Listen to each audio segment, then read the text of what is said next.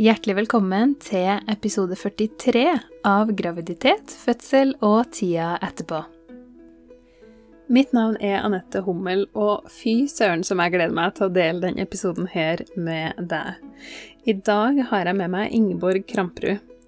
Og Ingeborg er en av Norges fremste eksperter på gravidyoga og de endringene som skjer emosjonelt og spirituelt idet du føder barnet ditt, og ikke minst fødes som mor. Hun driver podkasten og fellesskapet Nytt liv, hvor hun har ukentlig live yoga, fødselsforberedelse og kvinnesirkel. Ingeborg sjøl hadde fødselsangst da hun skulle ha sitt første barn, og hun er ekstra opptatt av å hjelpe kvinner å fjerne frykter, sånn at de kan føde i frihet på den måten de sjøl ønsker. Og i dag så snakker jeg og Ingeborg om overgangen til å bli mor, og det å se denne overgangen som eh, et rituale, og det å hedre ritualene i denne transformasjonen i livet ditt. Hjertelig velkommen hit, Ingeborg. Tusen takk. Det her, det her har jeg gleda meg til. Ja, det har jeg òg, for å si det sånn. Herlig. Vi har jo hatt en så bra sånn eh, pre-opptak-prat nå. Jeg er helt gira, jeg nå. Ja, jeg tenkte liksom på det at vi kunne jo nesten ha prata ferdig alt før vi begynte å ta av, så det var bra du sa nei, nå, nå, må, vi, nå må vi fortsette. Ja. Nå må, vi, nå må, vi, begynne å ta opp, hvis ikke bruker vi opp alt kruttet før, eh, før vi har starta podkasten. Ja. Det går ikke. Men kan ikke du starte med å fortelle litt hvem du er, deg og din bakgrunn? Ja. Det er mange måter å fortelle det på, så jeg tenker mm. Eh, jeg skal trekke ut det som kanskje er mest relevant til akkurat det vi skal snakke om, som er fødsel og graviditeten som et overgangsrite. Mm. Så jeg er mamma til to gutter. Eh, Balder, som er to år nå, og Sverre på seks. Og så er jeg sammen med pappaen deres og bor på en gård rett utenfor Molde, og vi har sau. Og grunnen til at jeg er her, ja, den begynte jo med min egen fødsel, men la oss spole til da jeg begynte um, som yogalærer. For jeg begynte å utdanne meg til yogalærer i 2009, og husker at vi skulle ha sånn fordypning. Um, og da kunne vi velge for, forskjellige ting. Vi kunne velge solar-yoga eller lunaryoga, og Så kunne vi velge graviditet uh, og barseltida. Og så mm. husker jeg jeg tenkte det med graviditet og barsel. Gjesp! Noe så kjedelig. Eh, jeg kunne heller tenkt meg å sitte og se på maling som tørka på en vegg, liksom. Var, jeg kunne bare ikke forestille meg noe så liksom uinteressant. Og det er jo litt sånn artig, da, for her står jeg jo litt mer enn ti år senere, og så er det det eneste jeg driver med, omtrent. Ja. Jeg har alltid vært ganske redd for fødsel, og det var nok mm. det som var litt av grunnen til at jeg hadde den her motstanden da når jeg ble presentert med muligheten om å bli gravid yogalærer allerede i 2009. Mm. Jeg veit ikke Jeg har liksom Hver gang fødsel har kommet opp, så har jeg syntes at det har vært veldig ubehagelig, men òg litt sånn der spennende. Men jeg har tenkt sånn innerst inne at åh, det håper jeg virkelig Hvordan skal jeg greie det, på en måte? Eller det høres helt skrekkelig ut. Bare mm. følt meg veldig uvel ved tanken. Og så har jeg hatt en litt annen vei inn i moderskapet enn det en del andre har. For jeg ble uplanlagt gravid. Mm. Eh, så vi hadde akkurat forlova oss, så jeg tror nok jeg ble gravid den natta. eh, for å si det sånn. Jeg husker at jeg tulla med at Å nei, stive brystvorter, det er nok en bivirkning av å bli forlova, men det var jo ikke det. Det var jo en bivirkning av å bli gravid. og, så, og, så, husker jeg jeg så graviditetstesten, og så tenkte jeg sånn Det var et sånn dyp stemme inni meg som bare Å, Yes, jeg skal bli mamma, og takk og lov for at ikke jeg måtte ta den beslutninga sjøl. For jeg tror aldri jeg hadde greid å liksom utsette meg for det. Og så var mm. tanke nummer to Herregud, det her kommer jeg ikke til å greie. Jeg skal føde. Uh, og det kjennes ut som jeg kom til å dø i fødsel. Jeg var liksom mm. helt sånn skrekkslagen. Og så var det en liten reise da, gjennom det her, opp og ned i graviditeten. Jeg elsker å være gravid. Lata som jeg ikke skulle føde ganske lenge, så lenge det gikk. Det var ikke sånn kjempegod strategi, men eh, jeg hadde noe veldig artig når jeg drev med det. Ja. det er mye som skjer, og sånn er det for mange gravide. Det er mye som skjer, mm. særlig den første gangen. Eh, ofte kanskje vi skal flytte, eller så skal vi pusse opp noe, eller så er det liksom noen ting som vi har utsatt litt, som plutselig nå må skje for deg. Altså, it's now Ja. or never. Ja. det har kanskje vært sånn for deg òg. Vi er midt oppi det nå, vi. Ja. Og det legger jo liksom ekstra press, og det gjør det jo også lett å skyve unna de tankene. eh, og det som er litt ubehagelig, det som jeg egentlig ikke har lyst til å ta fatt i, som for meg var fødselsangst. Mm. Um, hvis du vil høre hele historien, så har jeg den på podkasten Nytt liv. Så Eh. Det er den første episoden, så det går an å se på det. Men eh, sånn kort oppsummert så eh, fant jeg en måte å stå i det på. Og jeg fødte jo da Sverre. Mm. Og etterpå var jeg helt sånn åh, nå kan jeg gjøre alt. Yeah. Paragliding, null stress. Det er liksom hva som helst. Det er ingenting som er større enn det jeg akkurat har gjort. Mm. Men så, etter man er født, så er vi jo i den derre først litt det sjokket, og så at vi liksom ikke har en historie hva var det som egentlig skjedde, og så er vi veldig glad for at det har, er over, det har gått bra. Og så begynner vi å komme over i andre faser av å bearbeide det som akkurat skjedde. Mm. Etter hvert så kjente jeg på det her med Det var som om det var noe inni meg som huska hvordan fødsel skulle være, hvordan den her overgangen her skulle være. Og at jeg bare visste at det jeg hadde opplevd, det var liksom bare en liten flik av det det Mm. egentlig handla om. Det var som om jeg ikke hadde fått den støtta og virkelig det det, ja, det som kunne ha støtta meg til det potensialet som lå i det jeg akkurat var i og hadde vært igjennom. Mm. Og så hadde jeg en eh, traume etter den første fødselen også, så det var jo litt å eh, jobbe med. Og i det jeg begynte med det, det var da jeg liksom kom inn og oppdaga Men vet du hva, det her, her er jo noe så mye større. Mm. Det er Og da begynte jeg å utforske og finne og lære mer. Jeg har tatt gravidyogautdannelser, jeg har tatt to. ikke sant? Barselyogautdannelse, hypnose, eh, altså seremoni, magemassasje, closing of the bones etter fødsel. Mm. Eh, jeg har egentlig reist nesten verden rundt, ikke Asia, men Europa og USA. Eh, og reist på akkurat de kursene jeg bare Kanskje finner jeg svaret der, kanskje finner jeg svaret der. Henta inn sånne biter for å prøve å skjønne hva var det som egentlig skjedde med meg. Mm. Og hva var det som mangla? Um, og én brikke falt på plass idet jeg leste en bok som heter 'Birthing from Within', av en dame som heter Pam England i USA. Og da sto det det her med at i det du føder, så dør du og blir gjenfødt som mor. Mm. Og da var det et øyeblikk fra fødselen min som jeg huska, som jeg ikke hadde turt å si til noen, for jeg skammer meg over det. Jeg tenkte at det var fordi jeg var for svak, og allerede en dårlig mor. Mm. Eh, Så snill var jeg med meg sjøl. Men eh, det var rett etter Jeg var sånn kanskje 7-8 centimeter, og så husker jeg var inne på toalettet eh, sammen med Sveinung. Og så satt jeg, og så begynte jeg bare å riste helt ukontrollert og hakke tenner. Og så tenkte jeg bare Nå dør jeg.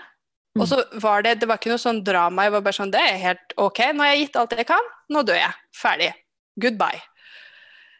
Yeah. Og, og, og da Og så kom Det neste var hvor dårlig er du ikke, liksom? Du takler det her for dårlig, du takler smerte for dårlig. Det var en hel sånn Mm. der, et tog med uhensiktsmessige tanker.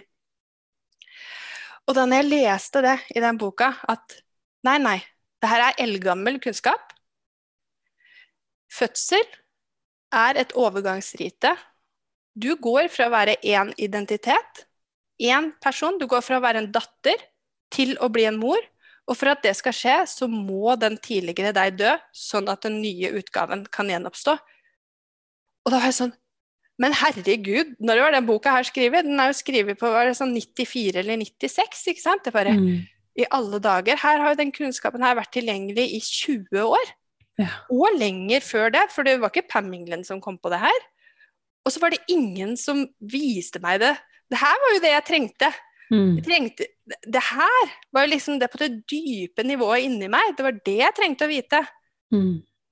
Og det er jo ikke sikkert alle trenger å vite akkurat det, men for meg så var det sånn Nei, vet du hva, nå kan ikke jeg gå videre i livet mitt, jeg, uten å bruke det jeg kan av mine talenter og min kunnskap til å gi det her til andre som, så de skal slippe å stå så lenge i det kaoset som jeg gjorde.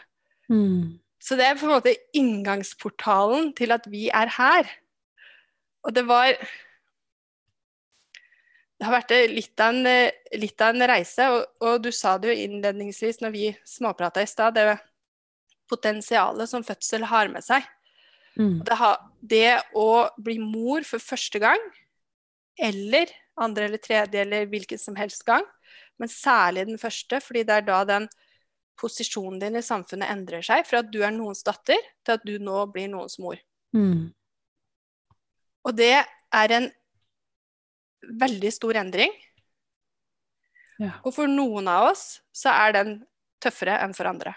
Mm. Og jeg gjorde en litt sånn der uformell bare på Instagrammen min før jeg skulle her, og bare spurte um, om hvordan var det her for, Hvordan var det for deg? Var det, var det greit? Altså gikk det ganske greit, eller var det heftig? Og da var det ca. halvparten som svarte heftig, og halvparten som svarte ganske greit. Ja. Og for de av oss som har hatt det heftig da, i den transformasjonen, så tenker jeg det at det her var liksom essensiell kunnskap. Fordi det hjalp meg å forstå mer hvorfor var det hvorfor var det jeg hadde så tungt for det. Mm. hvorfor var det her så vanskelig for meg? Så så jeg de andre som bare Jeg vet ikke, jeg så ut som de var nesten mamma siden barneskolen. Jeg, altså Ja. Åh. Vet du, det, du, det du forteller nå, det er så det er, det er innmari sterkt for meg. Nå er jo jeg, jeg er jo gravid nå, jeg er jo i en situasjon der jeg snart skal bli mamma for første gang, og jeg merker at det du, det du sier, det resonnerer så innmari. Jeg får liksom frysninger og tårer i øynene, og jeg er liksom helt sånn Det går rett inn hos meg, da. Det er skikkelig Altså, det føles så sant, det du sier. Det er fordi at det her, det ligger koda inn i beinmargen din. Mm. Men det er ingen som sier det. Det er ingen som hvis, Og du veit det. Når jeg har sagt det til deg nå, så veit du det. Og da kan du aldri ikke vite det her. Nå vet du det. Mm. Og du kan se se det du står i med de brillene. Men hvis ingen har sagt det, så blir det en veldig forvirrende prosess. Mm. Ja, absolutt. Ja. Jeg kjenner at jeg får en sånn kribling, da, som om jeg skal eh, Som om jeg skal Altså, du nevnte litt sånn i stad, det med rett før du skal på scenen. Mm. Jeg kjenner at jeg får en sånn kribling i kroppen min nå, at jeg blir litt sånn der Oi, jeg skal, snart skal jeg dø, og så skal jeg fødes på nytt. Wow! ja. og, det, og det er det potensialet. Og, og, og, og da da føler jeg vi må snakke litt om det her med samfunnet vårt og samfunnet vårt sitt forhold til døden. Mm. Eh, og nå med pandemi og liksom alt som har vært eh, Vi har et sånn veldig merkelig forhold til døden. Mm. Og det forholdet vi har til døden, det Du kan tenke på det som sånne briller du tar på deg. Vi sier ølbriller, ikke sant, men da kan vi si dødsbriller. Da, på en måte. Det, alle de oppfatningene vi har, blir brilleglasset som vi ser det som skjer i verden gjennom. Mm. Um, og når vi har det forholdet vi har til døden, på godt og vondt, så vil det også påvirke hvordan du tar imot den informasjonen her, og hvordan du tenker at den prosessen her skal være. Men hvis vi ser i naturen, så gjør jo naturen det hele tiden. Den, eh, det blir vår, sommer, høst, og så blir det vinter, hvor det er på en måte dødsstille. Den derre crisp følelsen som er akkurat rundt jul, når man er Mm. ute, og det er liksom det, det er en helt sånn spesiell stillhet. Det er jo egentlig det samme. Det er den døden, den ingentingen, Mm. før noe nytt kan gjenoppstå. Og det er jo egentlig bare akkurat det samme rytmen som du dras gjennom nå. For graviditet er jo Idet du har blitt gravid, da, så er det jo en litt sånn ufrivillig prosess. Ja. Det ligger, så, det ligger en eldgammel visdom i den. Mm. Og så kan du være Det er ikke så mye du trenger å gjøre. Fødsel også er en ufrivillig prosess. Mm. Eh, men vi er så vant med å styre og ordne og planlegge hvordan ting skal skje, og kontrollere hva som skal være, og hva som er greit og ikke greit, at vi blir mer opphengt i det enn å lene oss inn i det potensialet som er der, Mm. Og de stemmene som kommer opp. Fordi det tankekjøret som jeg eh, hørte, som ble veldig sterkt når jeg var gravid første gang, og også som i andre perioder av livet mitt, det er jo ikke et nytt tankekjør. Det er jo ikke som jeg aldri har hørt de tankene før. Det er jo bare nye varianter av ting som jeg har gått og kverna på lenge. Sant. Og du inviteres egentlig til å gjøre noe med det, sånn at du kan forløse det og ta neste steget. Hvem er du da, når du har gitt Mm. slipp på det? Og det her er jo litt sånn Jeg tenker på, hvis vi ser på i verden nå, hvordan maktforholdet er mellom menn og kvinner, men også mellom forskjellige eh, steder hvor folk bor. Mm. Ja. Vi som bor i Vesten og de som bor i eh, andre deler av verden. Altså, vi har en sånn maktforhold, og det er ingen som gir fra seg makta frivillig.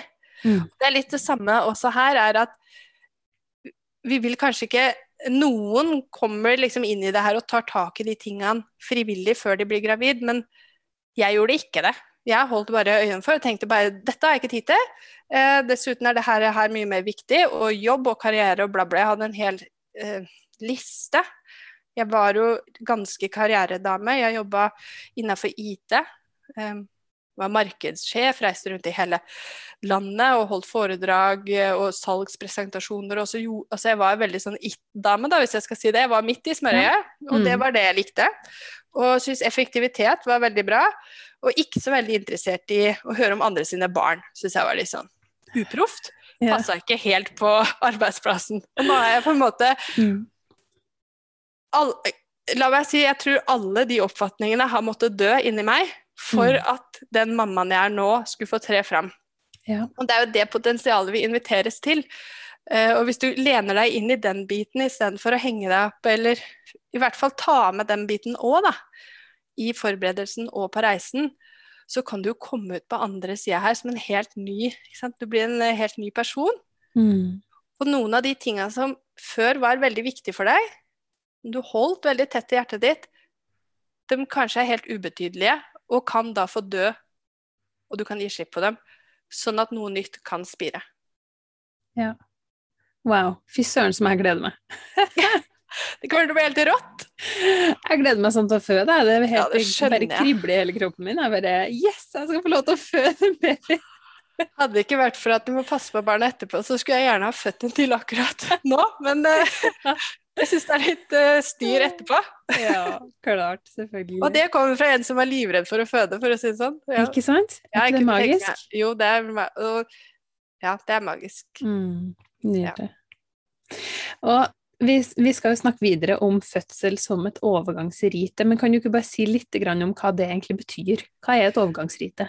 Jo, vi har jo overgangsriter i samfunnet vårt i dag som vi alle sammen kjenner til. Eh, vi har dåp, vi har konfirmasjon, bryllup, gravferd. Alle de tingene her er jo em, ritualer eller seremonier. Altså ritualer i den forstand at vi gjør noe spesielt med en viss intensjon. Nå Mm. er jo det samfunnet vi lever i, ikke helt, men altså Kirken og de trossamfunnene har jo mye definisjonsmakt på hva et ritual er. ikke sant? Den bryllup skal være sånn, vi skal si sånn og sånn, det her må alltid være med. Mm. Men det trenger ikke å være det. Et ritual er egentlig bare noe du gjør hvor du tar en pause fra hverdagen din, fra det ordinære som bare flyter, stopper opp, setter deg en intensjon for et eller annet, og skaper et rom som er litt annerledes enn det som er i hverdagen. Noen vil også si at det er det samme som et hellig rom. Det er ikke så farlig om du er liksom linka inn i en trosretning eller sånn og sånn, men det handler om å gjøre noe med en intensjon. Sånn at ikke det bare er noe at det bare, det er ikke bare hverdagen som bare går i ett. Det er noe Mm. helt spesifikt. Og jeg tenkte litt over det før vi skulle snakke sammen, så tenkte jeg på særlig det med konfirmasjon, for jeg er jo fra bygda. Det høres ikke sånn ut, men jeg er oppvokst midt i en skog. Vi var fire stykker i klassa på barneskolen. Oi, Bygda. Mm. såpass! ja. Hjemmebrent land. Wow. Når vi var på fest på lokalet, da var det om å gjøre å vite hvordan man identifiserte 9-6, så man ikke eh, drakk seg for dritings. Oi, oi, oi. Og da på bygda så var det sånn når jeg vokste opp, jeg er ikke sikker på om det er sånn nå lenger, men da var det sånn at eh, etter du var konfirmert, så kunne du bli med på bygdefest. Ja. Fyllefest på lokalet. Mm. Eh, og før du ble konfirmert, så var det jo eh, det er jo konfirmasjonsundervisning. Mm. Sant? Da er det vi møtes regelmessig over nesten et helt år. Eh, det er en leir, eh, vi blir introdusert til noen nye ting, og så skjer det et rituale, som er selve konfirmasjonen. Som markerer overgangen vår fra barn til voksen. Det er jo det den handler om. Mm. Sånn at det her er ting vi er kjent med i dag. Eh, men de ritualene her de er jo sånn universelle som passer uavhengig av hvilket kjønn du er født i. Ja. Eh, og det eh, med, som vi har glemt, det er de ritualene og, og den feiringa de overgangsritene som er spesifikke for oss kvinner. Mm. Det er f.eks. første menstruasjon. Særlig første eh, graviditet og fødsel. Vi har jo også, eh, hvis man mister og har spontanabort, Mm. eh, der er det også ting. Og så er det òg det med når vi går inn i menopause. Ja. Som er Dette er øyeblikk i livet vårt hvor vi er Vi har på en måte fått en ekstra invitasjon til transformasjon. Og den kan vi velge å ta imot eller avslå. Mm. Men hvis du avslår den kanskje ved første menstruasjon, ved første graviditet, ved andre, tredje graviditet, så kan det hende at den invitasjonen kommer veldig tydelig i menopause. Ikke sant? Ja. Ja. Det er ikke som om de blir borte. Um, hvis du har sett har du, Er du sånn at du liker Disney? Eh, tja. okay. Ja og nei. Ja. Så Jeg har i, ikke sett så mange nye. i Frost 2, da. Ja, den her har jeg ikke sett. Nei. Det er obligatorisk hvis man har lyst til å utvikle seg i verden, spør du meg. Men, eh, men det kan hende du får lyst til å se på den etter vi har snakka om det. Men i Frost 2 så hører Elsa en tromme som slår på avstand. Mm. Bom, bom. Eller hun hører en sang. Hun går ut, ikke sant? og så er det noen, noen som synger. Og så ignorerer hun det litt, ikke sant? og så er det der fortsatt. Og så ignorerer hun det. Og sånn er det med de tingene vi blir kalla til å se på oss sjøl i de transformasjonene. Tromma banker på avstand, og det lyder helt til kallet blir besvart. Ja. Så det kommer bare tilbake. Men du må jo ikke besvare det, det er jo fritt valg her i verden. Men jeg har nå besvart mine, da. Eh, Mm. Mer kanskje ut av nødvendighet enn ut av fri vilje i starten. Men etter hvert så, ja. Har jeg blitt, hatt litt lettere for det nå i det siste. Mm. Når jeg hører liksom noe som kaller på meg, som jeg tenker uff, det kan jeg ikke gjøre, eller å nei, å, så er jeg litt sånn lettere for å lene meg inn i det. Um, kaste meg Mm. ut i det ukjente, da. Og det er akkurat det den der Frost 2 handler om. Veldig fin. Og den samme med Vaiana. Hun også. Det eneste hun vil, er jo det eneste hun ikke får lov til. Ja. Hun vil opp, ut på havet. Helt, hun er, fra hun er født, så er det eneste hun vil er ut på havet, og det er det eneste hun ikke får lov til. Mm. Det sier mye om eh, det som skjer i psyken vår som kvinner. Og det er veldig relevant i forhold til fødsel. Fordi at det, i fødsel så kan det hende, og i barseltida etterpå, idet du blir mor For det første den overgangen fra å være datter til å bli mor. Vi kan lese hvilket som helst kommentarfelt på Facebook eller bare på en nyhetsgreie som handler om et eller annet som har med bunadsgeriljaen sitt arbeid å gjøre, et eller annet Mm. som har med barselopprør å gjøre, et eller annet som har med eh, hva som helst relatert til moderskap, fødsel, altså kvinnehelse. Og så er det en del støtte, og så er det en del ganske kvinnefiendtlige oppfatninger Mm. eh, som kommer for uttrykk. Og det sier noe om det klimaet som vi som mødre eksisterer i. Og det å gå fra å ikke være den som er identifisert som en småbarnsmor eller som en mor, til plutselig å bli den som er liksom hele den der kollektive oppfatninga om hva det vil si. Mm. Det er også et ganske stort skifte, for kanskje har du tenkt noe om mødre, ikke sant. Mødre er permisjonsdebatt også, kan du finne ganske mye snacks om hva mødre er og ikke Ja. er. Mm. Eh, og plutselig er du Er det på en måte deg de snakker om? Ja. Så det er en skikkelig big deal. Mm. Og det kan vekke opp noen ting inni deg. Og det kan hende du må gjøre noen ting du har sagt du aldri skulle gjøre. Jeg skal aldri bla, bla, bla. Ja. Eller sånn må man aldri gjøre. Eller da er man en dårlig mor. Hvem har, vi, ikke- har alle tenkt de tankene? Jeg husker etter min første hadde jeg funnet svaret på alt. Det er bare hvis dere bare bærer bæresjal, samsover, bla, bla, bla, bla, bla, følger min oppskrift, så er jeg garantert å få en unge som sover. Det er ikke så enkelt. Eh, og den som lover det, den eh, lover noen ikke kan holde. Og Mm. løsningen her er virkelig å gå innover igjen i deg sjøl. Og se på hva er det som kommer opp. Fordi du må finne din egen vei. Ja. Du må finne hva er det som er viktig for deg. Og det, det er ingen måte det går an å bli mamma på og gi babyen alt den trenger. For babyen sitt behov er større enn det du er i stand til å nære. Mm. Så det, det er som en umulig oppgave. Så jo før du liksom kan, akkurat sånn som en slange, skifter ham, jo før du kan bare la de der få dette av deg, jo lettere og bedre blir det for deg. Ja. Men det er lettere sagt enn gjort. Da. Det, eh, jeg har personlig smertelig erfaring, litt tunglært. ja. Men det er vi alle sammen på forskjellige, på forskjellige områder, ikke sant? Ja, og det er det Og, og så er det det å tørre å komme inn i de her litt dypere temaene. Mm. Eh, Fordi hvis alle samtaler du har, alle arenaer du er på, er bare Ja, hvor Hvilken uke er det? Ja, hvordan går det? Ja, men sånn Ja, men det går fint. Mm. Um, og så Det er som man bare cruiser på overflaten av et ganske dypt, potensielt litt um, rørt vann. Ja, Absolutt. Men hvordan, hvordan gjør man det? Altså, for du, du snakker om det der med å på en måte Du må, du må skifte ham, ikke sant? Du må, du må Mm. få av deg denne, det her slangeskinnet, sånn at du kan komme videre. Men hvordan gjør man det? Hvordan kan du på en måte forberede deg? Hvordan kan jeg da, som er gravid nå, hvordan kan jeg forberede meg sånn at jeg, sånn at jeg får til det, på en måte, når, når den tida kommer? Ja, det er en prosess.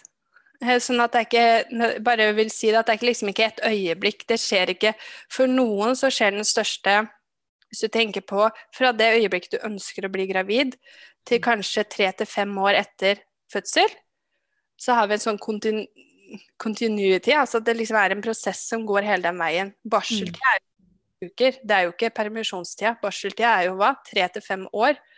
Ja. Tror du snakker med de fleste, så er det sånn Når fikk du hodet over vann? Når følte du liksom at du hadde landa litt i det nye? Det er jo ingen som sier ett år på det, som jeg har snakka med, i hvert fall.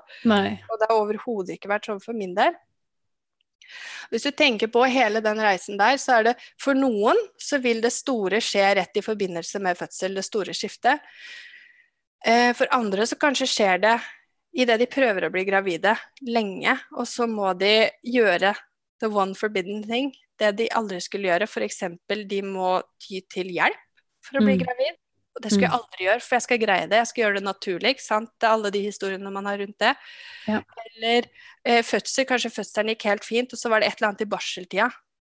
Sånn at de tingene her, de skjer eh, på forskjellige tidspunkt. Vi kan ikke Det er ingen av oss som kan forutsi eller velge akkurat hva er det. Hvor er de her transformasjonene? Og derfor så er det så viktig den støtta du har rundt deg i den reisa her. Mm. Og det finnes forskjellige måter å gjøre det på. Jeg har tenkt litt på det spørsmålet ditt, for du sendte meg jo det spørsmålet her i forkant. Og jeg vil jo selvfølgelig Det her er jo det jeg gjør eh, og jobber med, og jeg har jo sirkler med kvinner hvor vi jobber med det her. Men hvordan kan man gjøre det f- i sitt eget nettverk? Og da er det to ting. Du må se rundt deg. Og kanskje se litt videre enn bare de som er så gode bekjente at du er komfortabel med å reise hjem til dem på besøk. For det er ikke alltid du finner den personen akkurat i den nærmeste sirkelen. Og se om du finner en klok kvinne som har gått gjennom det før, og kommet ut på andre sida hel. Du vil ikke ha hun som bauser på med fødselshistorien om hvordan keisersnittet var, ah, bla, bla, eller hvordan sånn var, og bla. Alle de her medisinske historiene som bare blir kasta på deg som gravid. Ikke de. Det må være en av de som lener seg mer tilbake og har den roen, og som kanskje hvis du har spurt, så sier hun hva er det du lurer på, eller er det noe spesielt du ønsker å vite, eller, eller som har, har den kunnskapen om at hun hun viser ikke alle kortene sine, hun viser deg det kortet som du kanskje trengte å høre da. Mm. En sånn eh, kvinne, hvis du har det, så se om du kan eh, knytte litt tettere kontakt med henne og møte henne litt sånn gjennom Du trenger ikke å møtes hele tiden, men kanskje annenhver måned eller innimellom at du har litt støtte. Og så tror jeg òg det kan være veldig fint å se på de som hvis, du, hvis det er litt før du har blitt gravid, se på de som er gravide, og følge noen av dine venninner litt tettere. eh, Og bare observere og virkelig være nysgjerrig på hvilken endring er det du merker i henne? Hva er det som oppstår? Hva er det hun tenker på nå? Hvordan er det um, være til stede? Uh, hvis du har noen som har akkurat fått barn, selv om det er mer enn seks uker siden, reise innom med et nybakt brød eller et eller annet, litt mat, liksom. Mm. Og tilby deg å bare komme inn og ikke spørre, kanskje, fordi folk er, er, jo veldig vanskelig for å ta imot hjelp. Så hvis man spør skal jeg hjelpe deg, så sier de stort sett nei. Så da må du si jeg skal hjelpe deg. Det er en bedre måte å gjøre det på. Du, jeg tar og bretter de klærne her. Mm. Nei, ikke gjør det. Og bare, da må du si kan du bare sette deg ned og slappe av, og så nyte å se på meg gjøre det, og gjøre ingenting. Det går helt fint. Ja. Eh, og så bare være litt til stede og med nysgjerrighet og observere hva som skjer. Fordi vi alle sammen, i det vi er gravide, vi blir dratt og har en liten baby, så blir vi dratt gjennom en prosess. Det er noe, noe som er større enn bare akkurat det som skjer i deg og har skjedd i meg. Det er liksom noe Det er et eller annet eldgammelt i den prosessen der. Og bare å liksom observere det, og støtte, kjærlighet, varme og omtanke. Mm. Og så kanskje òg da ha noen rundt deg. Eh, en liten sånn venninnegjeng eller noe hvor dere samles og kan snakke om litt dypere ting snakke om hvordan dere egentlig har det. Mm. Hvordan er det under det derre Det går fint. Ja, sant. Det er en sånn ting som jeg, som jeg savner litt nå i Altså det siste halvannet året, liksom. At vi kan faktisk samles en venninnegjeng. Mm. For det, det, har jeg ikke gjort på kjempelenge. Og det, det, merker jeg at det er et sånt behov, og det er kanskje, kanskje det er sterkere nå fordi jeg er gravid. At jeg på en måte vil ha, vil ha de her kvinnene rundt meg. Mm. Tenker deg at du skal ha noen som er bak deg, noen som er ved siden av deg, noen som er foran deg, og noen som er langt foran deg. Mm. Prøv å liksom trekke inn de. Ja, um, det er fint. Du har støtte rundt deg. Mm. Og så er det jo noen andre ting da, som er som jeg har lyst til å nevne, fordi det er ting du kan gjøre sjøl. De to tingene her er veldig, veldig viktige. Men ting du også kan gjøre mer i deg sjøl, hvor ikke du trenger å aktivere eh, noen relasjon til noen andre, det er jo å begynne å tenke på forholdet til din egen mor. Mm. Mm. Ja, og den kan være ganske tøff. Jeg tror for de aller fleste at det er komplisert. Mm. På et eller annet nivå. Ja.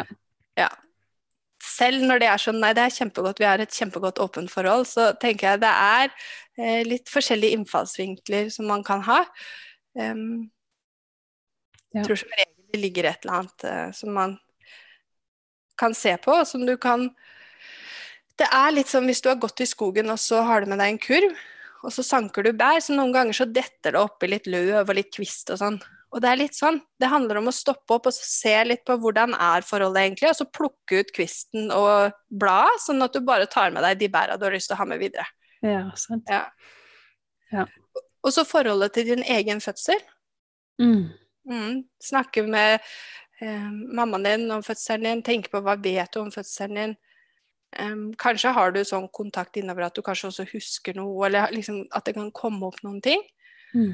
Um, kan du snakke også med mormor, mormormor Altså hvordan har fødslene vært i din moderlinje, da? Mm, ja. Ja, det er fint. Hvis man, har, hvis man, har, muligheten til det, så er det kjempefint hvis man kan det. Mm. Veldig, veldig fint. Og hvis ikke du kan det, så kanskje, kanskje har du en tante, eller mm. kanskje jeg vet at kanskje svigermor er nesten enda mer komplisert enn egen mor, men svigermor også, ikke sant. Begynne også å ja. snakke litt. Men, men de samtalene her, de må skje på en litt annen måte. De, de er ikke de herre Noen ganger når du får en fødselshistorie, så får du nesten bare kasta den på deg. Og de som kaster mm. på folk de fødselshistoriene, det er kanskje ikke de som har de fordøyde fødselshistoriene. De har liksom fødselshistorier hvor de kanskje sitter fast eller står fast. De har på en måte ikke kommet seg helt ut av det ennå. Eh, så prøv å finne en måte å snakke om det på hvor du Ja, hvor det kommer på en måte at det gir deg noe innsikt og noe mer. Ikke bare som en sånn et uh, trillebårlass som bare blir helt oppå deg, på en måte. Ja. Og det Ja, det kan du gjøre ved å ha Passe på at det er riktig tid og sted. Mm. Sant? At det, de riktige folka er til stede. At det er Kanskje det er noen som ikke burde være til stede. Kanskje Mm. dere har tida, at det ikke er bare sånn ti minutter før det er noe videre. At det bare liksom legger litt til rette, akkurat sånn som vi dekker bord når vi skal invitere folk på middagsselskap. Sant. Ja, for det kan være en litt sånn greie, da, for det eh, altså med, med enkelte personer så vet jeg at på en måte det her er ikke noe problem, jeg kan bare stille det spørsmålet, på en måte. Eh, mens hos andre så, så setter det litt lenger inn, da, sjøl om jeg kanskje godt kunne ha vært interessert i å snakke med dem om det. Men så er det litt sånn, ok, hvordan åpner jeg det temaet med den personen? Mm. Sant? Og da er jo spørsmålene det viktige her. Mm. Eh, Du kan jo spørre hva var en ting som overraska deg? Ja. Um, hva var en ting som du skulle ønske du visste på forhånd? Mm. Hva var en ting du lærte? Sånn at du kommer ut av den her Fødselen starta klokka to, så kommer kom du på sykehuset, da hadde jeg tre centimeter åpning, og så bla, bla, bla. Det er ikke den interessante historien. Nei, sant. Nei, det er ikke noe relevans egentlig for deg, det.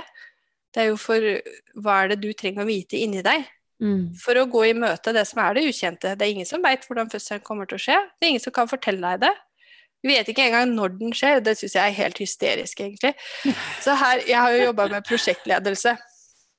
Yeah. Altså Hvis jeg hadde sagt da, at prosjektet blir ferdig innafor en ramme på fem uker, og da er det ferdig i tide altså det, er, det er liksom ikke Det er helt absurd i den verden som de aller fleste av oss lever i. Som de Mm. aller fleste av oss er vant med å tilfredsstille, og de spillereglene som vi stort sett alltid er vant med å følge. Og så plutselig blir du gravid, og så er det her en helt gyldig ting å si noe, det er ingen som stusser med det. Altså, hvor lang tid kommer fødselen til å ta? Det er ingen som veit. Når starter den? Ikke peiling. Cirka de fem ukene her, kanskje. Så det er noe med den kontrasten da, mellom det som er det kjente, og det Mm. nivået av ukjenthet som vi blir kasta ut i. I det vi frivillig eller bevisst eller ubevisst takke ja til denne utfordringa det er å Mm. føde barn Ja. og bli mamma. Absolutt. Ja, wow. ja, det er, helt, det er jo egentlig det er jo en helt unik situasjon. Mm. Det er jo ingen andre Det er egentlig ingen andre ting i livet som, som fungerer på den måten. Nei, det er ikke det.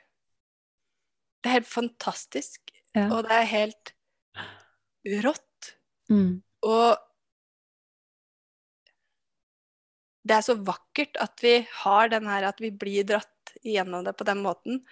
Og også at vi får den prøvelsen det er, da. Å gå og vente og lure på og alt det der. Og alle de derre mønstrene inni oss, tankene som kommer opp idet vi står i det. Som vi da kan velge å enten bli opphengt i, og så liksom la på en måte ta kontrollen, sette seg i førersetet. Eller som vi kan velge å nøytralisere og bare liksom bringe inn, og allikevel stå støtt i oss sjøl. Mm. Men eh, hva hvis, eh, hvis det ikke på en måte Hvis det ikke er min egen prosess, men hvis det er noen andre sin prosess, hvis det er en av mine venninner som er på vei til å bli mamma, og, og går gjennom denne prosessen og skal gjennom denne overgangen da, som, som skjer gradvis på et eller annet tidspunkt. Så eh, hvordan kan jeg som er ved siden av eller rundt, hvordan kan jeg støtte henne i det? Jeg er veldig fan av å slutte med babyshower og begynne med gudinnefest. For Mm. babyshoweren den er veldig sentrert rundt babyen, kjønnet til babyen kanskje, eh, babyklær, babyting, baby, baby, baby. Og så glemmer vi helt mammaen. Mm. Og babyen trenger masse støtte, men i den første perioden her, og også de første åra, så trenger mammaen veldig mye støtte. Og det kan du gjøre ved å På engelsk heter det 'mother blessing', men uh, på norsk så har jo jeg har oversatt det til gudinnefest. Med liksom Mm. konsultering med noen andre kloke damer, så har vi valgt det ordet. Og det er en feiring hvor du har fokus på å hedre mammaen, for virkelig å tilby omsorg og dyp støtte Mm. eh, til henne idet hun nå skal ut på ut i det ukjente, ut i et landskap hun aldri har gått, som hun ikke helt vet hvordan blir, hvor du finner både frykt, kanskje smerte, i, helt sikkert smerte i varierende grad, eh, ukjente ting. Um, hun skal liksom navigere det her som hun aldri har vært i. Og skal, det er jo den som føder, som må gjøre det her aleine. Mm. Men når du har den støtten i ryggen av noen andre damer, så er den reisen ufattelig mye lettere. Så, det, det, gir deg en helt annen sånn Jeg har gjort en gang eh, med og en gang uten. Um, det var ikke noe lettere å føde det barnet, men det var mye mer komfortabelt på en måte, fordi at jeg hadde en støtte rundt meg. Mm. Jeg hadde noen jeg kunne lene meg på. Og i det øyeblikket hvor jeg følte det her går ikke, så hadde jeg noen som sa tilbake i kor, unisont, dette klarer du. Fortsett ja. å gå. Oh, wow. Mm. Og det er mange forskjellige ting du kan gjøre på en sånn her gudinnefest. Det kommer litt an på hvor Jeg syns det er fint når de som eh, skal være med, som da er som jeg sa i stad, noen som går bak deg, noen som går ved siden av deg. Hvis du har det, noen som går foran deg, noen som går langt foran deg. Hvis du kan finne noen sånne som um, Kanskje den gravide kan si litt om hvem kunne ønske seg skulle komme. Mm. Og så at dere da sammen lager denne festen som en feiring, en gave til hun som er gravid. Og det kan det være deilig fotbad med urter i vannet eller badesalt, blomster. Det kan være noe så enkelt som bare å børste håret. Ja. Kjemme håret. Massasje. God mat. For meg er sjokolade obligatorisk. Ja. Vakre blomster. Skjønnhet. Mm. Pynte seg. Jeg fikk en gudinnefest arrangert for meg uh, når jeg var gravid med Balder. Og da var det hun ene venninna mi som ikke kunne komme, for hun bor langt unna. Hun hadde skrevet et brev som de leste opp. Alle satt i sirkel, og så hadde de satt noen fine lys og litt blomster og liksom dandert litt fint alter i midten. Og Så leste de opp det hun sa, hadde, eller hadde skrevet, og så hadde alle med seg perler.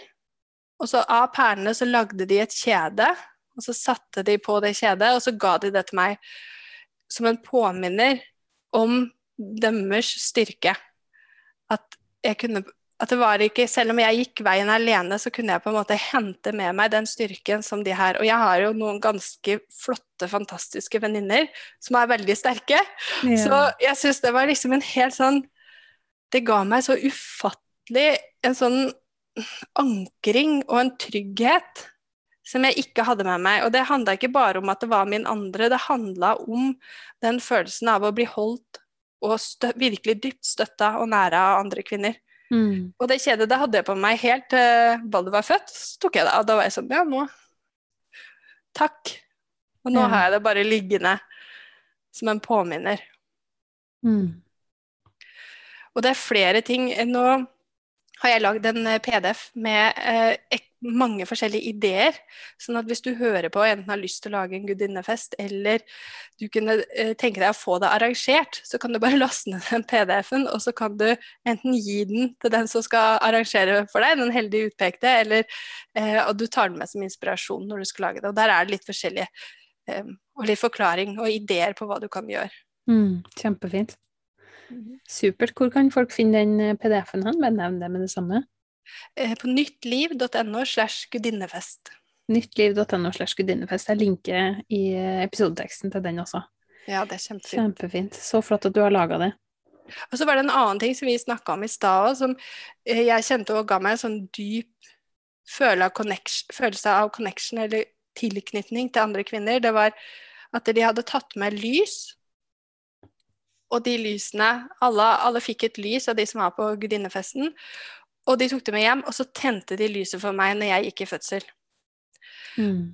Og det er noe med det der når du går inn i de mørkeste krikene og krokene, og du veit ikke helt hvor du er, hvor langt du har gått, hvor langt det er igjen, og du begynner å tvile på deg sjøl, mm. og så husker du de flammene som brenner for deg rundt omkring. Det var bare så sterkt for meg, og det ga meg liksom en sånn ekstra styrke og mot til å gå videre. Mm. For det er jo litt sånn det er i fødsel. Du må gå så langt du kan gå, og så må du gå enda lenger. Ja, Ja. sant. Ja, absolutt. Og da kan jeg tenke meg det er så deilig å, å ha den eh, At du på en måte vet at det er flere rundt omkring, da. Om de er rundt omkring i Norge, eller i byen der du bor, eller, eller i verden for den saks skyld. At det er folk som tenner lys for deg i det øyeblikket.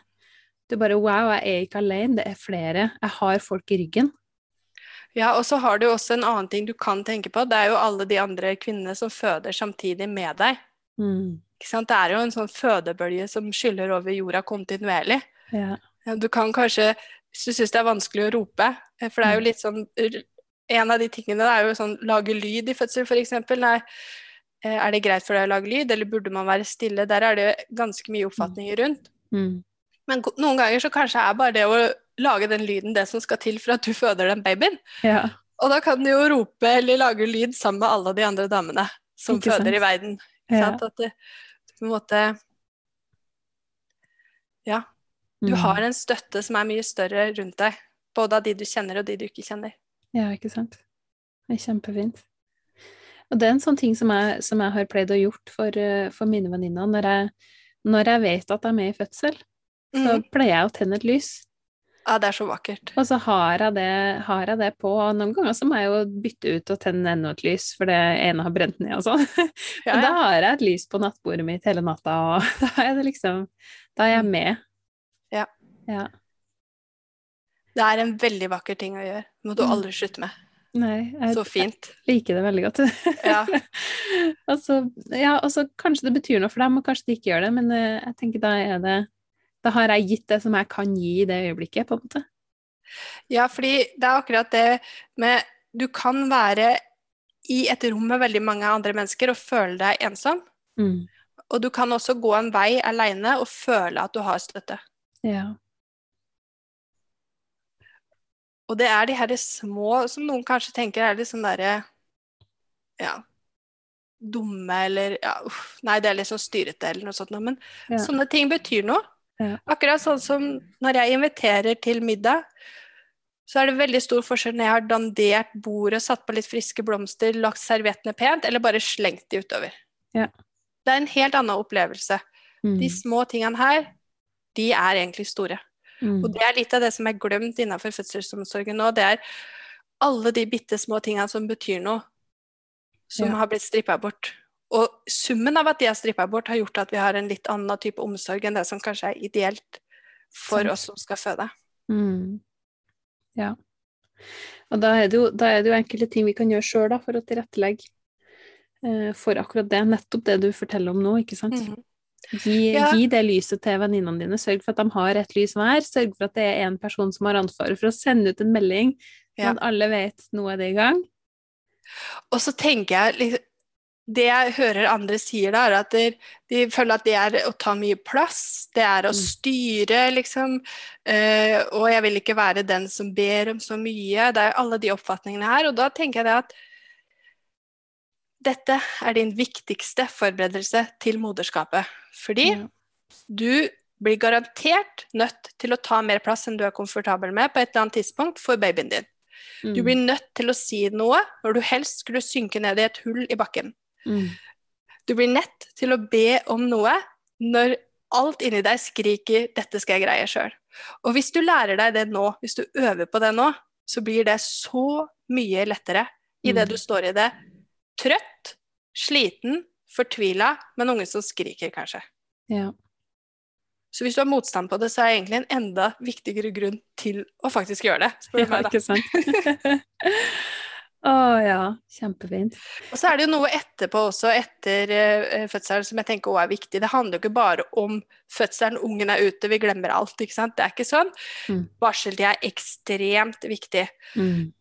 Eh, og det å f.eks. arrangere sånn at noen kommer med middag hver dag de første to, fire, seks ukene, litt avhengig av hvor goddess du orker å stå i og være. Men seks uker er jo ideelt. Tenk hvis noen kommer med mat på døra, ikke sant. Um, at du Ja. får nybakt brød, at, at noen bare kommer innom Og kanskje setter på klesvask, henger opp, ordner litt, tørker av kjøkkenbenk. Bare gjør de tingene, sånn at du kan få være i Vi snakka om hverdagslivet. Det er ikke Mm. hverdagsliv, det her. Men det er som en, når du er på fest, så er det åpenbart ikke hverdagsliv. Men i barselperioden så er det en sånn annen tilstand som varer veldig, veldig lenge. Mange Mm. uker. Kanskje, kanskje hele liksom, fjerde trimester, altså tre måneder. Og at du De rundt da kommer med mat, kommer, bare tilbyr det, er, det aller viktigste er næringsrik mat. Mm. Og så er det bare noe som er til stede og ser. Det er altså så enkelt. Men så har vi glemt det, og så er vi liksom ikke vant med å gjøre det. Og jeg tenker på for meg sjøl, den største gleden jeg kan gjøre, det gir meg en enorm I dag, faktisk, så reiste jeg innom ei som Det er seks uker siden hun fødte, ei som bor rett ved meg, med et nybakt brød. Ja. Som jeg bare la på trappa, og så dro jeg. Og så sendte jeg bare melding at jeg bakte et brød. Tenkte kanskje du ville ha. Og det er en glede for meg å kunne gjøre det for henne. Og så er det liksom tigangeren lettelse for henne, der hun står med to barn Mm. på ett og null år. Ja. Og skal tilpasse seg livet som tobarnsmor, nesten før hun kom tilbake igjen fra å bli ettbarnsmor. Mm. Og sånne har vi alle sammen i nærme sirkel eller i utvida sirkel. Og vi må virkelig begynne å ta skikkelig godt vare på dem. Fordi det er jo fremtidens mødre. Det er jo de som oppdrar de barna som skal ta over verden. Mm. Og de fortjener så mye støtte og kjærlighet. Og det er vi, du, jeg og du som hører på, det er vi som må begynne med å gjøre det. Ja. Vi kan ikke sitte og vente på at noen andre skal gjøre det, vi må gjøre det sjøl. Mm. Ja, det er kjempesant. Og da går det jo an også etterpå at de som har vært med på den gudinnefesten, kanskje møtes og har en liten sånn feiring. Eh, Du kan jo gjøre et lite, lite Egentlig, da handler det jo mye om den feiringa av den enorme jobben som hun som er født, faktisk har gjort. Ja. Uansett. Du vet, når noen drar ut i krig, så er det ikke Mm. sånn at vi sier når soldatene kommer tilbake, og så takker vi dem. Så sier vi ikke at du ble skutt i armen, så du får ikke den samme takken som han som ikke ble skutt. Men når vi kommer tilbake fra fødsel, så er vi sånn Å, jeg brukte epidural. Å, jeg hadde keisersnitt. Eller sånn. Vi har jo alle de her, her tingene hvor vi, vi tenker at vi feila, eller vi var ikke gode nok når vi kommer tilbake, som på en måte Vi tar fra oss sjøl den støtten da, som vi så Mm. djupt trenger. Og hvis, du ha, hvis det ikke gikk som du hadde trengt, tenkt, så trenger du den støtten enda mer. ja. Absolutt. du kan liksom feire og hedre når hun har kommet tilbake. Masse, masse Mm. god mat. Mat er liksom tema, tenker jeg, i barselperioden. Ja. Og tapasbord er jo perfekt, for da kan alle ta med seg. Mm. Og så bare lage mye mer, og så pakke det inn i kjøleskapet, sånn at hun som eh, da er der med den nye babyen, da kan gå til kjøleskapet og finne seg delicious mat Ja. De neste dagene etterpå, og ikke tenke på å lage middag. Mm. ja. Ikke sant. Og det er jo litt artig, så du får jo lyst til å være med på å gjøre ting. Tenk, hvis Ja. liksom optimal støtte for dine venninner er noe som du syns er kjempeartig sjøl. Det er en vinn-vinn. Mm. Ja, absolutt. Veldig, altså. Veldig. Men det er jo sånn, det er jo sånn nå Altså, jeg merker det i hvert fall sjøl, da, fordi at fordi at jeg, jeg bor jo i Trondheim nå og har bodd her i to år, og så har jeg jo bodd eh, fem år i Gjøvik før det, og så har jeg bodd fire år i Nederland før det. At jeg har på en måte eh, venninnene mine overalt. De er Mhm. ikke her, på en måte. så jeg merker at jeg må på en måte finne litt sånn nye måter å Altså, jeg har jo noen venninner i Trondheim òg, men jeg må på en måte finne litt sånn smarte måter å eh, Jeg skulle til å si få hjelp på, da. Uten at de trenger å være fysisk til stede. Vet ikke om du har noen gode tips på det? Jo da, det har jeg. For med min første så flytta jeg til et nytt sted. Mm. Um, så det har jeg litt erfaring med. Ja. Da hadde jeg bare bodd der i noen måneder. Så det er ekstremt viktig at du bruker tida nå på å finne deg noen. Mm. Um, sånn I forhold til hvordan man kan støtte på avstand, så er det jo sånne her mattjenester som man kan bestille. Særlig i byene så er det ganske lett. Mat levert på døra. Ja. En pizza. Du bare sender en melding og bare Er dere hjemme nå? Eller Mm. i kveld har jeg lyst til å spandere. eh, Mm. pizzaen. Så bare bestiller du en takeaway-pizza levert på døra. Det er jo, sånne ting er jo veldig enkelt å gjøre. Ja. Eh, og i de større byene så har man jo kanskje også noen barseldoler. Mm. Du kan jo kjøpe noen timer hos en barseldola som Ja. kommer hjem til den eh, nybakte familien. Det er jo kjempefint. Ja. Det er jo så, er, og finnes det ikke barseldoula, så kan du kjøpe time til massasje, til osteopat Altså det er masse sånne ting hvis man utvider eh, horisonten litt. Og så Mm. tenker jeg for deg så er det veldig viktig at du prøver å finne deg et nettverk allerede nå. Mm.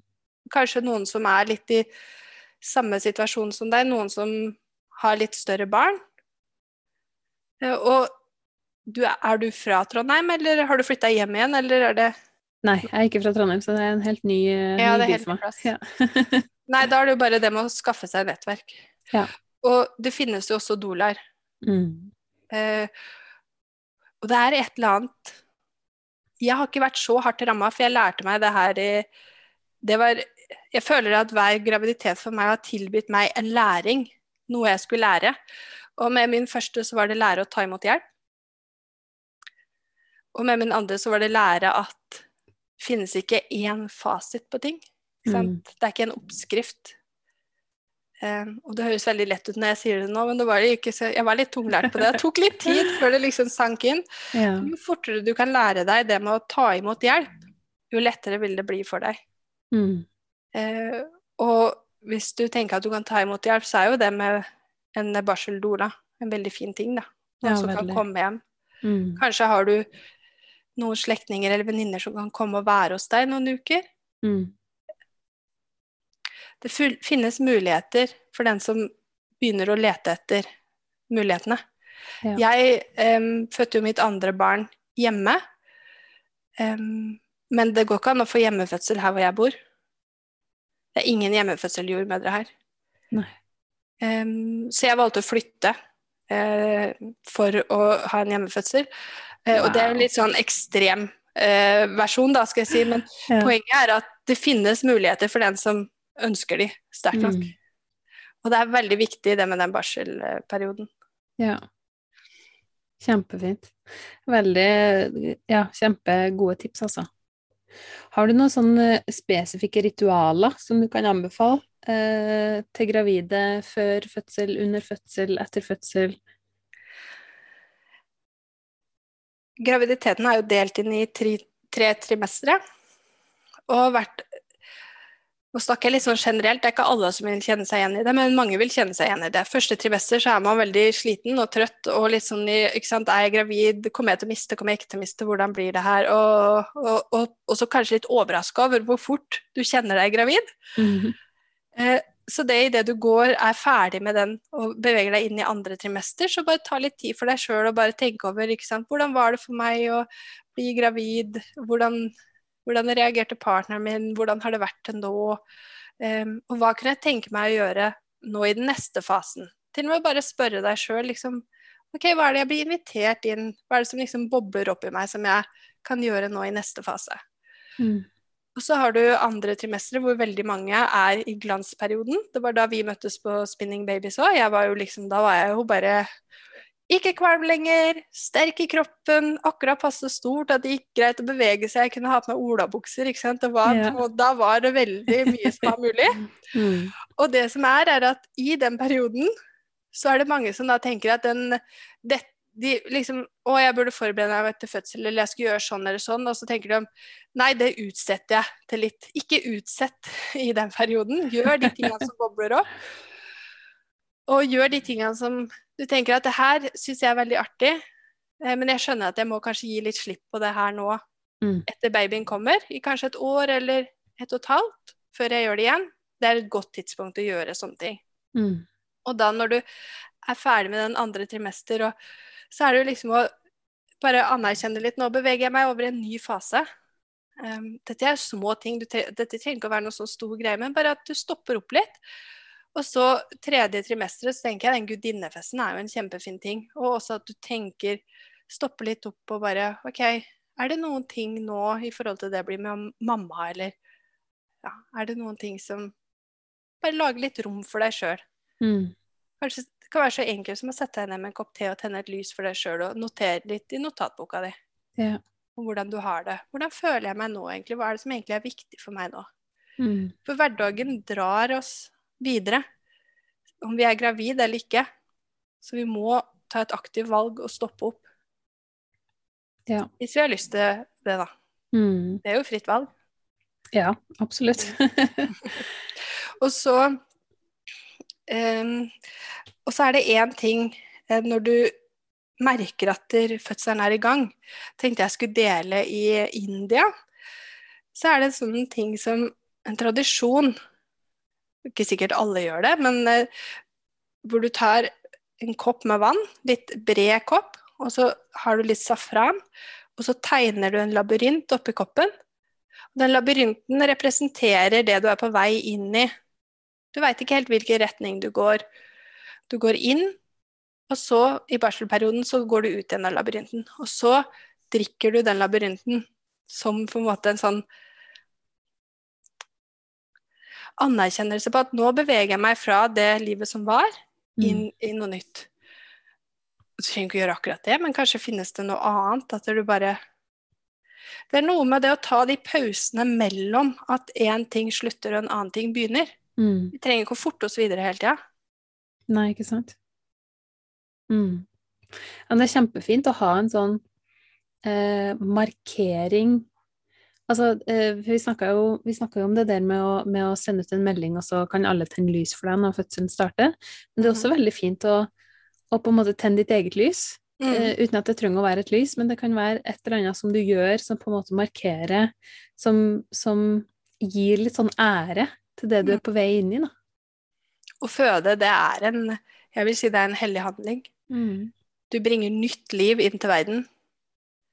Og det nivået av Altså Før du ble gravid, så var det ikke som om det var plass inni deg til den babyen. Alle organene flytter på seg. Kroppen din strekker seg for å gjøre rom. Jeg tenker på, Finnes det en større sånn kjærlighetserklæring, egentlig? Mm. Vet du, der, der det er hjerterom, er det husrom. Ikke sant? Ja. Vi, har det jo, vi har jo ordtak på det. Mm. Og så, idet babyen skal fødes, uansett hvordan den fødselen foregår, så er det noe som skal utvide seg, åpnes, og så forløsningen kan skje. Og det er jo kroppen din som gjør det. Det er liksom en helt vanvittig for å bringe nytt liv inn til verden. Jeg syns det bare er helt, eh, Det er helt rått. Mm. Så det å stoppe opp før du går inn i det, ja, det syns jeg er helt uh, Gå inn i det med en annen bevissthet, Mm. hvis du vil. Ja, ikke sant? Ungen, ungen kommer ut uansett. Det er bare liksom åssen hva, Ja. hva taler til deg, ikke sant? Ja, ja. Ja, absolutt. Og det er fint at du sier det, da. Altså, hvis du vil. For det er jo ikke noen ting som man må. Ingenting av de tingene her må man gjøre. Du må ingenting. Nei. Det sier nå min eh, toåring, da, Balder. Han bare 'Mamma må ingenting'. Jeg bare 'Du må ha på deg bukse'. Yeah. Må ingenting! Du må ingenting. Og det er jo litt sånn eh, i graviditeten, og du må jo ingenting. Du må jo ikke ta noen tester. Du må ikke føde på sykehus, du må ikke Mm. føde hjemme. Du må ingenting. Du kan gjøre det du vil. ja, Mm. Og det er så deilig. Det er, så, det er en så befriende tanke. Ja. Du bare, vet du hva, du må faktisk ingenting. Nei, du Kjenn etter hva du har lyst til. Hva kjennes riktig? Mm. Det er du Det er du som skal bære fram barnet, det er du som skal føde barnet. Og du må heller ikke føde et sted fordi noen andre rundt deg forventer det, eller for at du skal please dømmersfølelser. Du må ingenting. Nei. Hva vil du? Hva kjennes riktig ut? Mm. Hva har du behov for? Absolutt. Og det er jo den første, den første valgene man gjør, som du sier, også som mor og ikke som datter. ikke sant? Altså, jeg vet at, at mine, mine foreldre syns det er forferdelig ubehagelig at jeg planlegger hjemmefødsel, Mhm. eh, men jeg gjør jo ikke det for dem. Jeg gjør jo ikke det som deres datter, jeg gjør det som mor til mitt barn. Det er akkurat det. Ja. Så det er ikke, jeg skal ikke please dem i den situasjonen her. Du skal ikke please noen andre enn deg selv noensinne. Ja, det er du skal lage ditt liv. Mm. Og jeg tenker bare på akkurat det du gjør der, det vil du merke. Det er som en dråpe i vannet som får ringvirkninger ellers i livet ditt. Som vil Mm. eh, være liksom et middel som løser opp i noen andre områder, hvor du har pleasa andre, da, hvor du har gjort noe du egentlig ikke ville, bare for å gjøre tante Oddveig fornøyd, eller et eller annet. Bare sånn sånn, eller den ikke sier sånn, eller fordi jeg tror at den forventer det, så gjør jeg sånn. Altså, vi Mm. driver så mye med det, og det må slutte med. Fordi det drar oss bort fra å gjøre det som er riktig for oss sjøl. Mm. Det som er viktig. Og ditt indre liv og livet i familien din, forholdet til partneren din, barnet ditt, det er det som er det aller viktigste. Ja. Og det er dere som skal leve med de valgene som er tatt. Sant. Og dere skal leve det livet dere vil, Mm. ikke noe som Mora og faren din de hadde sjansen når de oppdro deg, Ja. og nå er du blitt voksen, nå gjør du hva du vil. Ikke sant? Nå det Sånn for blir det for deg òg. Du må gjøre ditt beste med å oppdra barna, og så må de få lov å De er frie, de må få Ja. lov å gå ut og gjøre det de vil. Ikke sant? Ja. Er ikke det så deilig at eh, Jeg syns det er en sånn fin tanke at på en måte mine barn At mine barn kommer til et punkt der de skal ta sine valg for sitt liv som ikke har noen ting med meg å gjøre. Mm. Og det syns jeg, jeg er utrolig deilig. Og når du da har tatt imot de her invitasjonene da, gjennom de overgangene du har vært i nå med den graviditeten her, kanskje er det flere graviditeter etter hvert, kanskje er det andre ting som skjer, så kan du støtte dem på en helt annen måte. For du kan Mm. støtte dem fra et sted hvor du er fri, sterk og hel, uten det her behovet for å diktere og detaljstyre og organisere, for det må skje på akkurat den måten her. ikke sant? Du må Ja. spise sånn og sånn og sånn, hvert sånn minutt, opp og ned sånn, og snu ungen altså, Det er så mange sånne regler, Mm. men det er jo ikke det som er poenget. Alle må få lov å finne ut det. Når du Når ungen har kommet ut, så er det jo du som forelder og mannen din Dere er jo akkurat som når et egg er klekt, så er det en kylling inni det egget som liksom er på vei. Du har ikke kommet ut av egget engang, det har bare åpna seg, og du er bløt. Mm. Du har ikke blitt en sånn stor mammaørn. Det er jo noe som skjer. Du skal jo vokse inn i rollen. Og Mm. idet du vokser inn i den rollen, så trenger du noen som har gått foran deg. Noen som vet mer enn det du gjør, og noen som stoler på deg og kan gi deg den støtten du trenger, sånn at du kan utvikle deg til å bli den mammaørnen. Mm. Og når du har blitt den, så gir du den største gaven tilbake ved å gjøre det samme med de som går bak deg. Ja, ikke sant? Og det kan jo du gjøre for barna dine Mm. og for de andre rundt deg. Uten å liksom legge det opp i at du må fly akkurat i den retningen der, eller du må gjøre akkurat sånn. Det er jo ikke Det er en avsporing. Ja. Mm, kjempefint. Og jeg liker så godt eh, det bildet som du, som du skildra der. At det på en måte Det er jo ikke Altså, at, at det er jeg som er den, som er den lille, lille babyørna som kommer ut av det, det egget som klekker. Altså, det er jo fordi barnet blir jo født, men, men jeg blir også født. Og at man faktisk kan se seg sjøl som, som en nyfødt i den situasjonen. At man er en nyfødt mamma, og så skal man vokse, og så skal man bli Man skal bli den mammaen. Mm. Du trenger ikke å være det fra starten av, på en måte. Det er en utvikling. Ja. Og det er en lettelse og en frihet i det. Mm. For du kan gi deg sjøl litt mer slack. Ja. Og du kan ta imot alle de som kommer med mat til deg. Ja, sant. Ikke sant? Du, det er bare å ta imot. Det er helt greit. Ja. Og det er også en glede for andre å gi tilbake. Mm. Den største gleden er å gi. Vi har jo også det som ordtak. ja, vi har det. Vi trenger bare å huske det. Og huske det i det vi tar imot, da.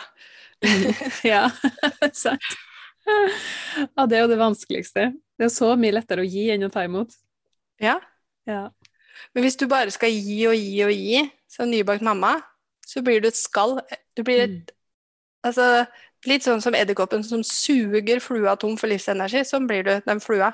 ja. Det funker ikke sånn. Du må ha påfyll. Mm. Og det der med å ta imot, det er jo bare egentlig noe du Det er bare en oppfatning i hodet ditt. Mm. Det er jo ikke som om venninnene rundt deg sier at 'Å, Anette, hun er det, Nå syns jeg hun tok imot litt mye'. Det er jo ingen som sier det. Og hvis de sier det, så må du i hvert fall ikke høre på dem. Det er jo helt uh, merkelig ting å si. ja. Uh, ja, Du vet, når du, jeg vet ikke om du har prøvd å gi en gave til noen som ikke vil ta imot det. Men jeg er Eh. veldig glad i å gi gaver. Ja. Og noen ganger så gir jeg gave til bare 'Å nei, jeg skal ikke ha noe', eller 'Å nei, ikke, Ja. nei, nei'. Så nesten prøver å gi deg gaven tilbake. Men det som da skjer, når du prøver å ikke ta imot, er jo at du tar fra gleden til den som prøver å gi deg noe. Mm. Hvis jeg har lyst til å gi deg noe, jeg gir deg et brød, og så sier du 'Å nei, vi skal ikke ha jeg skal ikke sånn eller sånn', da er det Ja. ikke noe artig for meg å gi lenger heller. Nei, det er jo ikke det. Så det er veldig viktig for den herre flyten at Mm. man faktisk tar imot, ikke stritter imot. Ja. Ja, kjempebra. Så mye, så mye bra og så mye viktig, og jeg, jeg føler jo at det er jo Altså, du snakker jo direkte til meg her. altså, det jo Det var bra timing. Ja, det var skikkelig bra timing. Så jeg håper, det, jeg håper det er mange flere som hører på, som, eh, eh, som får like mye ut av det her som jeg gjør. Fordi at jeg, jeg får virkelig så masse ut av det her. Det er, Det er ordentlig verdifullt. Ja.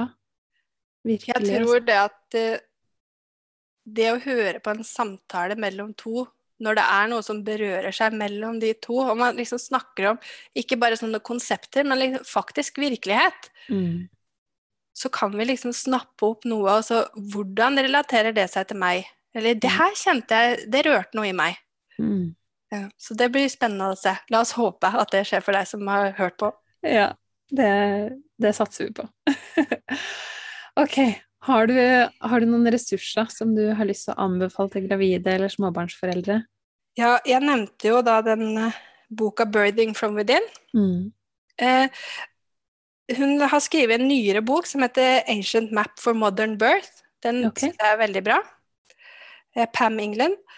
Og så, hvis du har fødselsangst, så vil jeg anbefale det å eh, sjekke ut Alexia Leachman, som eh, driver noe som heter Fear Free Childbirth Podcast, og hun, hun kurerer fødselsangst og nåleskrekk.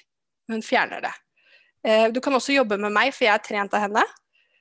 Em, og så anbefaler jeg selvfølgelig å bli med på eh, Sjekke ut Nytt Liv og bli med på live timer der. Vi har Mm. gravidyoga, barselyoga og Månesøstre kvinnesirkel hver uke. Og det er lagt opp til at du kan være med gjennom hele den herre Du er gravid, barseltida og også den tida etterpå hvor du er på vei ut i jobb og i jobb, men navigerer Da kan du møte opp litt sånn flytende ettersom hva du vil. Mm. Herlig. Mhm. Kjempefint. Og bare nevn igjen, du har jo nevnt så vidt nettsida di, men hvor kan folk, eh, hvor kan folk finne deg hen på internett? Nyttliv.no. Nytt liv på Facebook, Nytt liv på Instagram. Hei at nyttliv.no. Kjempefint. Herlig.